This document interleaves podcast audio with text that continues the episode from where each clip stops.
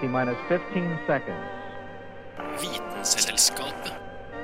T minus 10, 9, 8, 7, 6. We have main engine start. 4, 3, 2, 1, and liftoff. Vitenselskapet. Vitenselskapet på Radio Nova.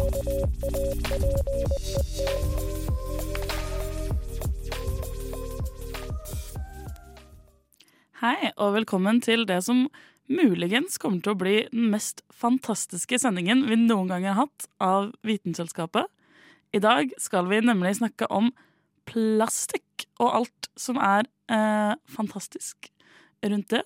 Og kanskje ting som bare er litt eh, elastiske. Alt eh, som har med det å gjøre. Det har vi jo alt som er rundt oss, fra klærne dine til eh, headsetet du bruker til å muligens høre på denne sendingen. Eh, I dag har jeg til og med med meg to eh, veldig fantastiske mennesker. Vi har eh, Carl Adam Skvam Hei, hei. og Kristin Grydeland. God dag. Og jeg er Julianne Lifjell.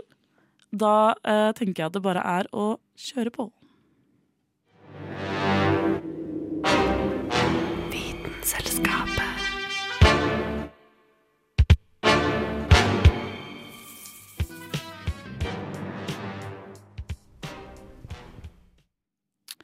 Og selv om vi skal snakke om eh, hvor fantastisk eh, er, plastikk er i dag, eh, så er det ikke alt ved det som er helt fantastisk. Fordi det er mye plastikk som ender opp i havet. Eh, og det er ikke alltid litt greit for eh, dyrene som bor der, eksempel. Men eh, du har sett litt på hvordan man kanskje renser havet for plastikk, Karl? Eh, ja, det stemmer. Nei, for plastikk, plastikk er jo veldig praktisk i at det varer veldig lenge. Men eh, når du mister styr på plasten, så blir det fort et eh, ganske stort problem. Fordi verden er jo satt sammen sånn at vannet renner ut i havet. Og så Da drar det jo gjerne med seg litt plast fra ja, elvene våre rundt omkring, der det havner en del plast. Og så er det jo en del forsøpling rett i havet, som eh, f.eks. fiskegåen, eller den som kaster drikkeflaska si i havet på stranda. Og så er det havet sånn at det samler seg opp etter det har kommet inn i havet òg. Vi har eh, fem store havvirvler her eh, vår, eh, på vår klode. Og den største av dem, plastmessig, er den, den nordstillehavske den nordstillehavske havvirvelen. Er det der det samler seg opp sånne For jeg tror de fleste har sett de der plastøyene som flyter rundt ute i havet. Er det der det liksom eh, det, det ser jo ut som et svært lag egentlig av land, eller søppel, da. Som en, en veldig langstrakt søppeldynge ute i havet. Ja, det er helt riktig. Fordi inni den virvelen da, så vil det etter hvert klumpe seg all den plasten som kommer turene. Og da endes vi opp med det som på godt norsk heter det store stillehavske plastflaket. Nordstillehavske plastflaket. Great Er det en, et nytt Arctic. kontinent, eller? Ja, det kunne jo blitt det. Eh, De anslår at det er 1,8 billioner biter med plastikk i det flaket. Det er da et par hundre per person i hele verden. Og det, det er ikke all plasten vi har ute i det fri, men det er ganske stor ansamling. Og den har da brev vokst og vokst de siste årene. Det har jo eh, Du kan finne alt fra golfballer til fiskegården til VHS-er, som kanskje tilsier at det her er et eh, vedvarende problem. Jeg bruker ikke VHS så mye, jeg vet ikke med dere. Ikke så mye i det siste, nei. Bare annenhver uke, vil jeg si.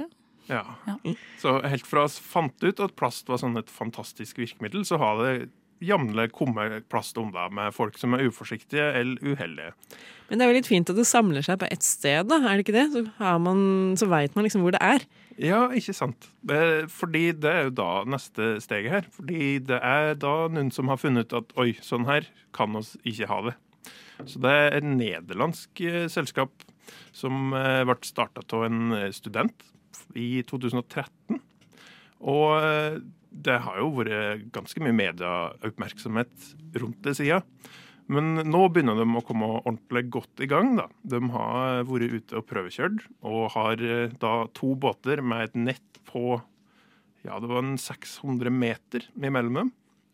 Det er veldig stor målestokk på det her. Og det er foreløpig bemanna oppdrag. da. Og De eh, kjører da og drar med seg plast. Tar det i land i Canada, og planen er å resirkulere det til gjenbruk. Sånn at det ikke bare blir brent. Som en slags plasttråler, da. Så istedenfor å fange fisk, så fanger de plast. Det er helt riktig.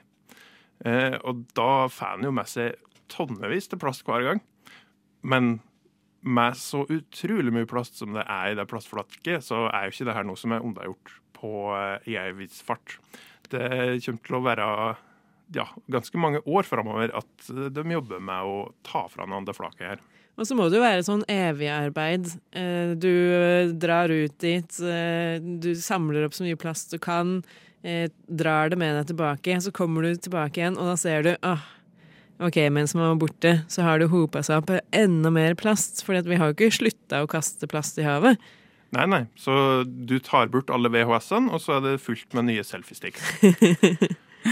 Men eh, de har tenkt på at eh, det går jo an å ta det litt tidligere òg. Så eh, de har en annen versjon der de tråler i elver.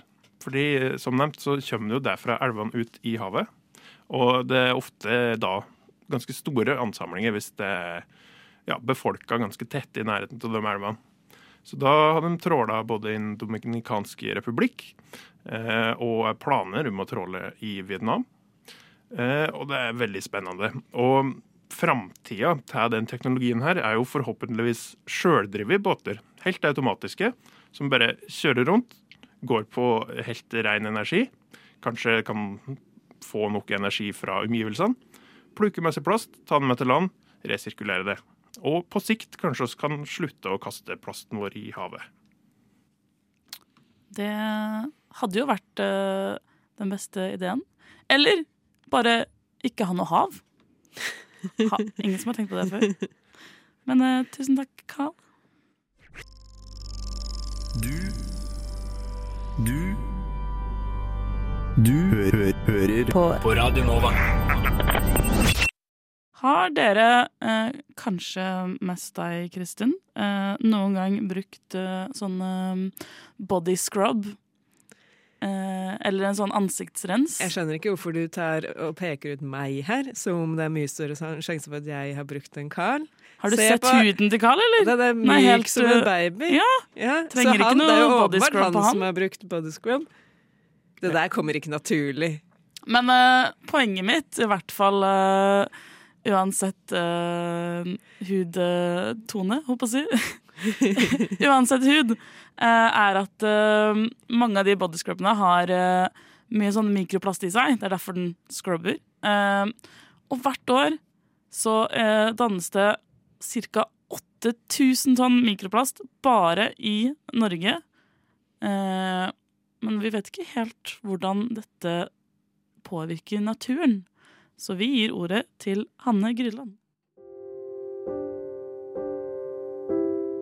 Når jeg nå sier ordet vårflue, tipper jeg at du mest sannsynlig ikke får opp så veldig mange assosiasjoner.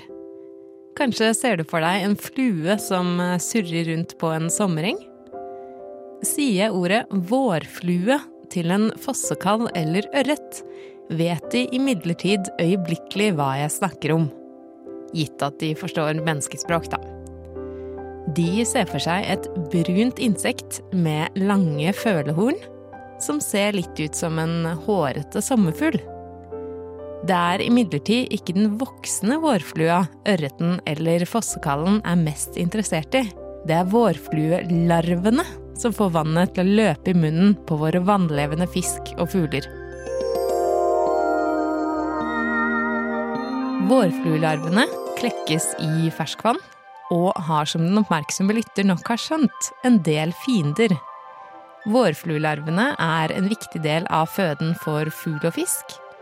Og som et forsvarsverk mot disse fiendene, så har vårfluelarvene kommet fram til noe genialt. De bygger seg små rørforma hus, som er ca. et par centimeter i lengde. Husene bygger de av strå, pinner, plantebiter osv. som de limer sammen ved hjelp av silke, altså ved hjelp av sitt eget spytt. Det er i hvert fall strå og pinner og andre organiske ting som er blitt brukt som byggematerialer fram til nå. For nå er det nemlig gjort et funn på en liten øy utenfor Bergen som snur opp ned på kunnskapen om vårfluelarvens byggeteknikker. Lisle Lyngøy vender ut i havgapet, og kysten her er hjem for enorme mengder søppel som skyller opp på stranda. En stor andel av søppelet er mikroplast, altså bitte små biter av plast som er mindre enn fem millimeter. Og her, på denne øya utafor Bergen, så bruker ikke vårfluelarvene stråbiter eller plantemateriale til å bygge husene sine. De bruker rett og slett mikroplast. Å bygge et hus av mikroplast i en vannkant der det bugner av plastsøppel, det har jo to åpenbare fordeler for vårfluelarven. Eh, det første er at plasthuset gir bedre kamuflasje. Og det andre er at det er kjempeenkelt å finne disse byggematerialene. Om det faktisk er sånn at de larvene som bygger plasthus, har større sjanse for å overleve og dermed spre genene sine videre, gjenstår det å forske mer på. Forskerne vet heller ikke hvordan det plastfylte oppvekstmiljøet til vårfluelarvene påvirker resten av næringskjeden. Men det som er sikkert, er at vårfluelarver får i seg mikroplast fra bunnsedimentene i vannet de lever i, og at eh, disse plastfylte vårfluelarvene deretter finner veien til fossekallen og ørretens middagsbord.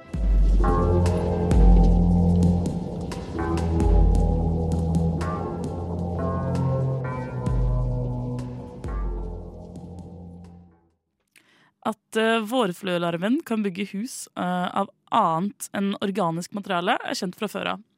Noen smykkekunstnere holder faktisk vårfluelarven fanget i akvarier sammen med mengder av gull, perler og edelstenbiter, sånn at uh, de får noen vakre rør som kan brukes som smykker.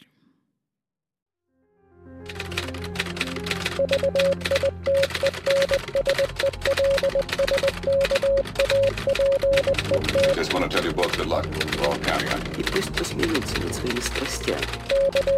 Ведь то, что они называют страстью, на самом деле не душевное, Vitenselskapet а лишь трение между душой и внешним миром. knekker vitenskapens koder. Good job.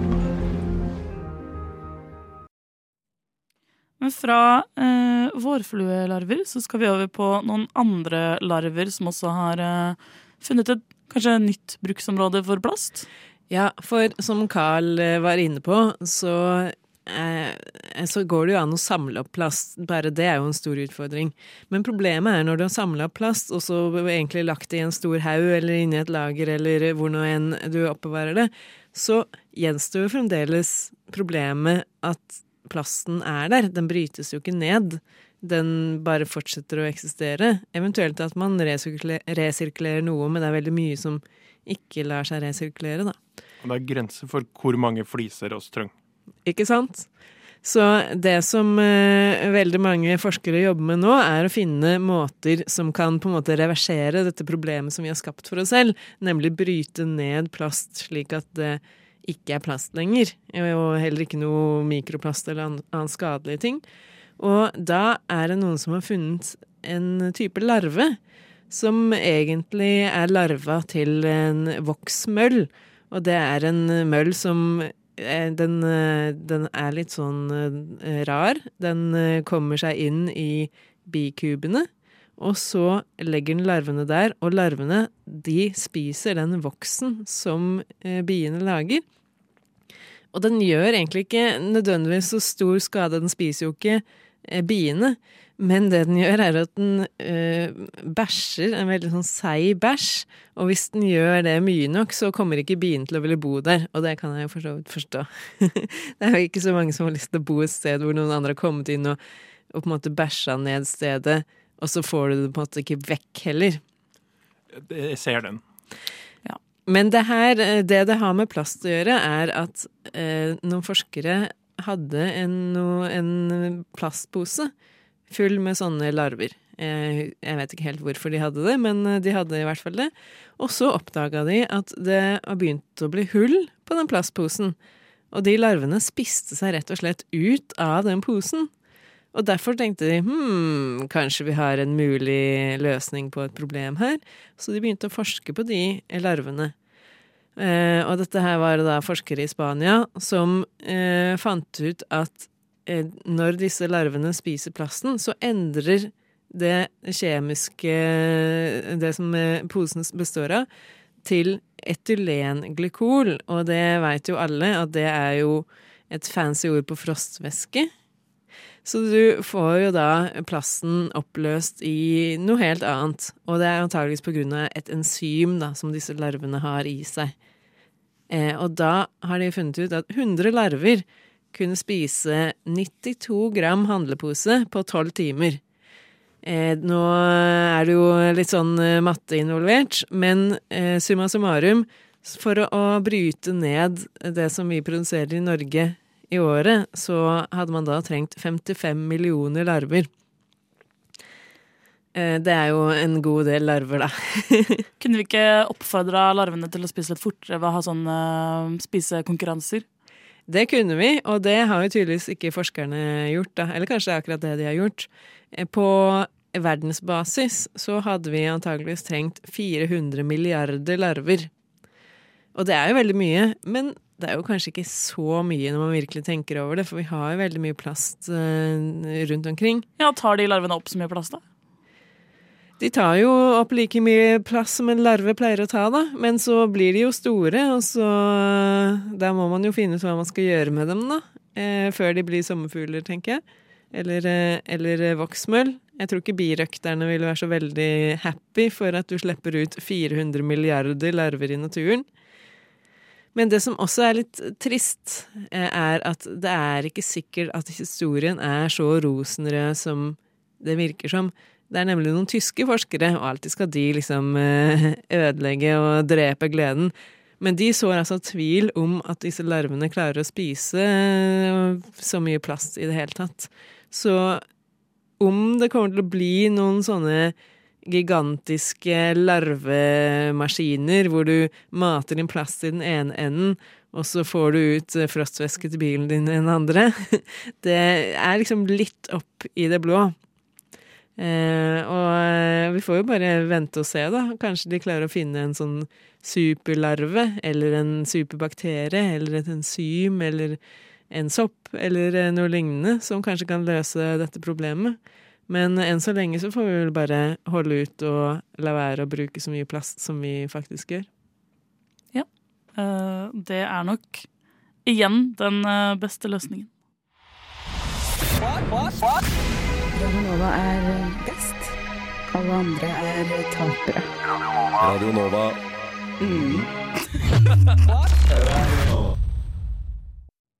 Noe annet som er uh, plastic fantastic, er jo Botox. Eh, og det har nesten blitt eh, hverdagskost å ta det. Men eh, hva er det egentlig?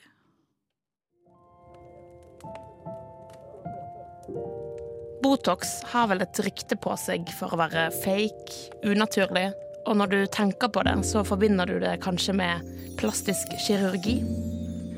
Fjerne rynkene i ansiktet og bli polert og glatt som en Hollywood-frue. Men sannheten er at Botox er noe som blir produsert av noe så organic som en bakterie som lever i jord, innsjøer og skog. Bakterien Clostridium botulinum er den jeg snakker om. Og det er den som produserer Botox. Eller for å være helt presis nervegiften botulinum. Og denne regnes faktisk også for å være de mest potente giftstoffene i naturen. Det sies at kun ett gram krystallisert botulinumtoksin er nok til å drepe én million mennesker.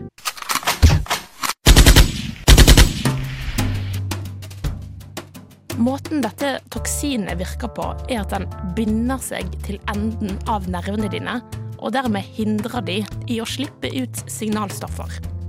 Og uten disse signalstoffene så vil ikke neste mottaker, eller muskel, da, få beskjed om hva den skal gjøre. Og da ender man opp med lammelser i muskulaturen.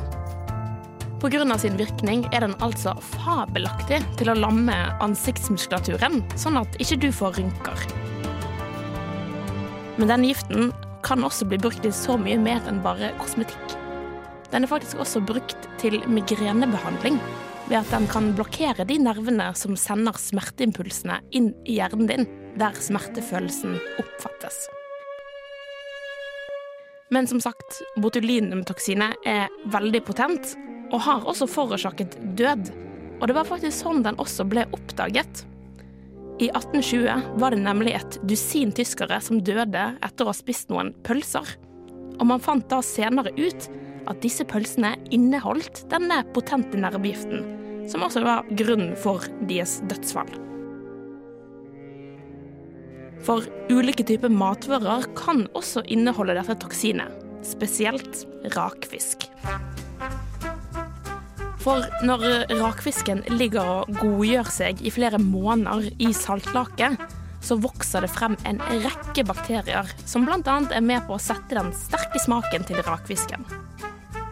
De fleste bakteriene er helt ufarlige, men av og til så kan det komme sykdomsfremmende bakterier, bl.a. denne botulinum-bakterien.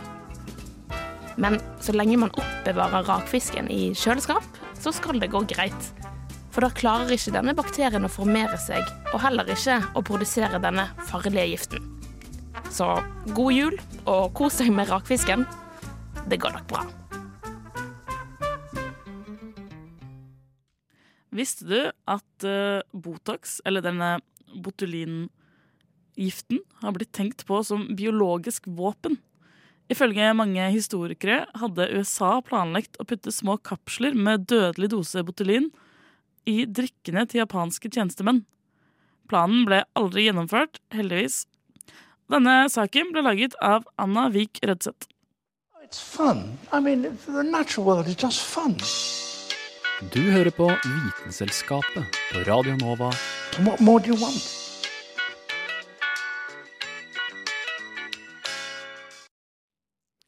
Nå skal vi over til uh, enda mer uh, holdt på å si dyreverden, eller insektverden, uh, nemlig edderkopper. Som uh, De lager jo ikke akkurat plastikk. de lager jo silke. Men det er veldig plastisk. Det er det. Eller det er i hvert fall elastisk. Yeah. og altså, edderkoppsilke er jo noe av det mest elastiske man har. altså noe som man kan strekkes veldig langt fra sin eh, originale posisjon, eh, og fortsatt måtte returnere da, til eh, samme fasong. Det blir som en slags insektenes egen gummistrikk? Ja. Eh, det er det. Mer eller mindre. Uh, og det som er veldig kult med edderkoppsilke, edderkoppsilke, unnskyld, uh, er at det er lettere enn bomull. Det er utrolig lett materiale. Men det er også sterkere enn stål. Hvordan kan det være sterkere enn stål? Jeg, jeg, har jo gått tur i skogen og gått gjennom edderkoppspinn mange ganger. Og jeg er på en måte ikke noen Supermann heller, så det kan jo ikke være sterkere enn stål. Mm, kanskje du egentlig har noen superkrefter som du ikke visste om Kristin? Nei da. Det er jo fordi altså, du måler jo per uh, Holdt på å si per volum, da. Ja, Så målt etter størrelsen. Ja. ja. Så hadde du hatt en ståltråd som var like tynn som edderkopp, eller som spindelvev, så hadde du gått gjennom det mye lettere. Ja. OK, men hva om man har altså edderkoppspinntråd som er like tjukk som en stålvaier, da? Da hadde du fått til det, så hadde nok klart å vinne noen nobelpriser, tipper jeg. For det som er, er at vi har ikke klart å knekke koden for å fremstille silken syntetisk ennå. Dessverre. Så vi er fortsatt avhengig av edderkopper for å få edderkoppsilke. Ikke at vi bruker den så fryktelig mye uansett. Men vi har gjort noen fremskritt eh, som gjør at man kan eh, produsere kanskje enda bedre Eller vi får edderkoppen da, til å produsere enda bedre eh, edderkoppsilke.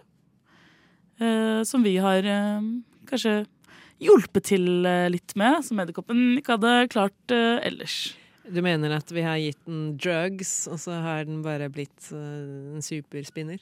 Um, ikke, ikke faktisk drugs. Det er gjort andre forsøk hvor man har uh, gitt uh, forskjellige rusmidler til edderkopper og sett hvordan de uh, har oppført seg, men det er ikke det som har skjedd denne gangen.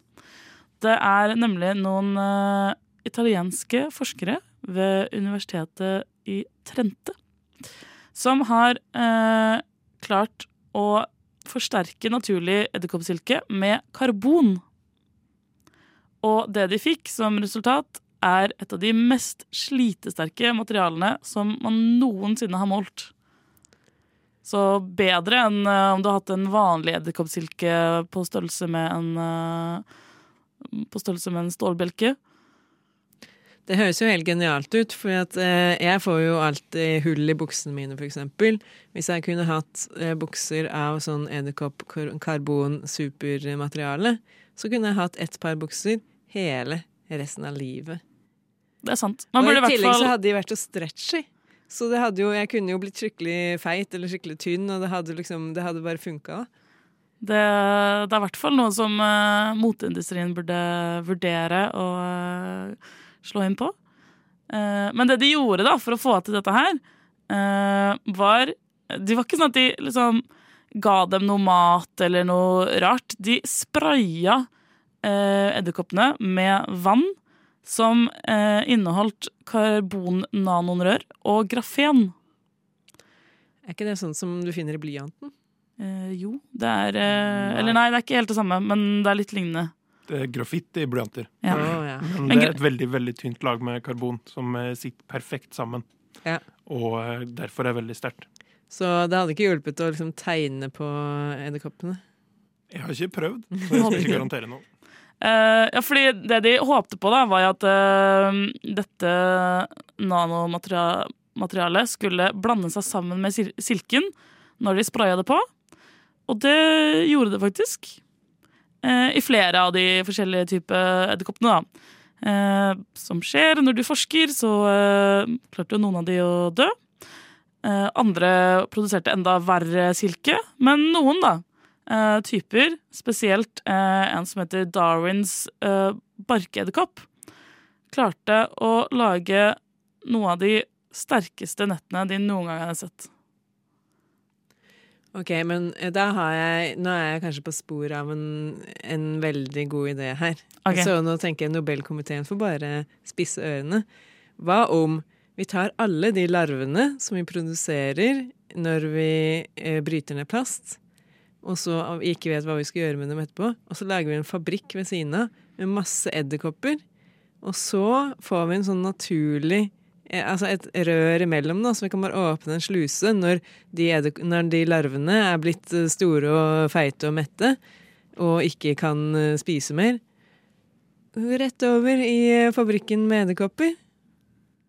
Det blir eh, naturens kretsløp. Det er uh, veldig god idé. Uh, det eneste du må klare å løse, Kristin, er uh, hvordan man høster silken, fordi det er det fortsatt ikke noe god måte på.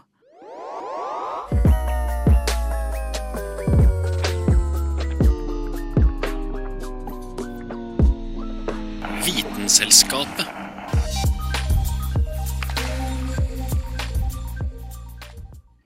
Det var alt vi hadde tid til i dag, dessverre. Eh, Men vi håper du har lært eh, mye nytt om dette materialet som eh, vi omgir oss med hver dag. Eh, Jeg har vært Julianne Lifjell, og med meg i studio har jeg hatt Kristin Grydland. Og Carl Adamskvam.